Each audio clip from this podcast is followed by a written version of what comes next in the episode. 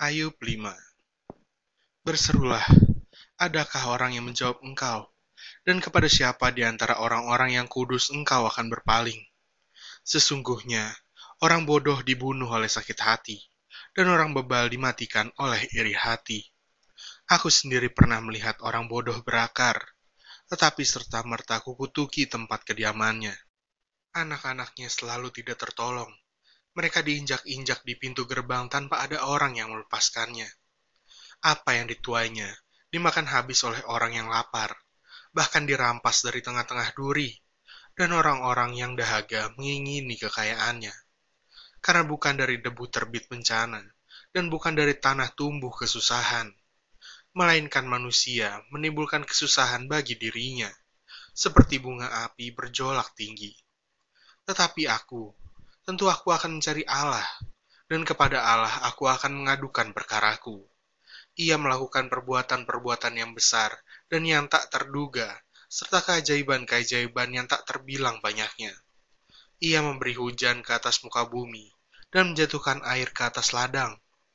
Ia menempatkan orang yang hina pada derajat yang tinggi, dan orang yang berduka cita mendapat pertolongan yang kuat. Ia menggagalkan rancangan orang cerdik sehingga usaha tangan mereka tidak berhasil. Ia menangkap orang berhikmat dalam kecerdikannya sendiri, sehingga rancangan orang yang belat-belit digagalkan. Pada siang hari mereka tertimpa gelap, dan pada tengah hari mereka meraba-raba seperti pada waktu malam.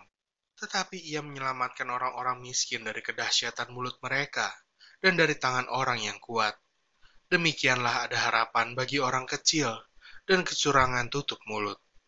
Sesungguhnya, berbahagialah manusia yang ditegur Allah, sebab itu janganlah engkau menolak didikan yang maha kuasa.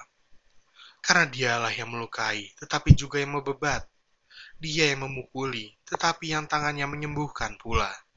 Dari enam macam kesesakan engkau diluputkannya, dan dalam tujuh macam engkau tidak kena malapetaka. Pada masa kelaparan engkau dibebaskannya dari maut, dan pada masa perang dari kuasa pedang. Dari cemeti lidah engkau terlindung, dan engkau tidak usah takut bila kemusnahan datang. Kemusnahan dan kelaparan akan kau tertawakan, dan binatang liar tidak akan kau takuti. Karena antara engkau dan batu-batu di padang akan ada perjanjian, dan binatang liar akan berdamai dengan engkau. Engkau akan mengalami bahwa kemahmu aman, dan apabila engkau memeriksa tempat kediamanmu, engkau tidak akan kehilangan apa-apa. Engkau akan mengalami bahwa keturunanmu menjadi banyak, dan bahwa anak cucumu seperti rumput di tanah. Dalam usia tinggi engkau akan turun ke dalam kubur, seperti berkas gandum dibawa masuk pada waktunya. Sesungguhnya, semuanya itu telah kami selidiki. Memang demikianlah adanya. Dengarkanlah dan camkanlah itu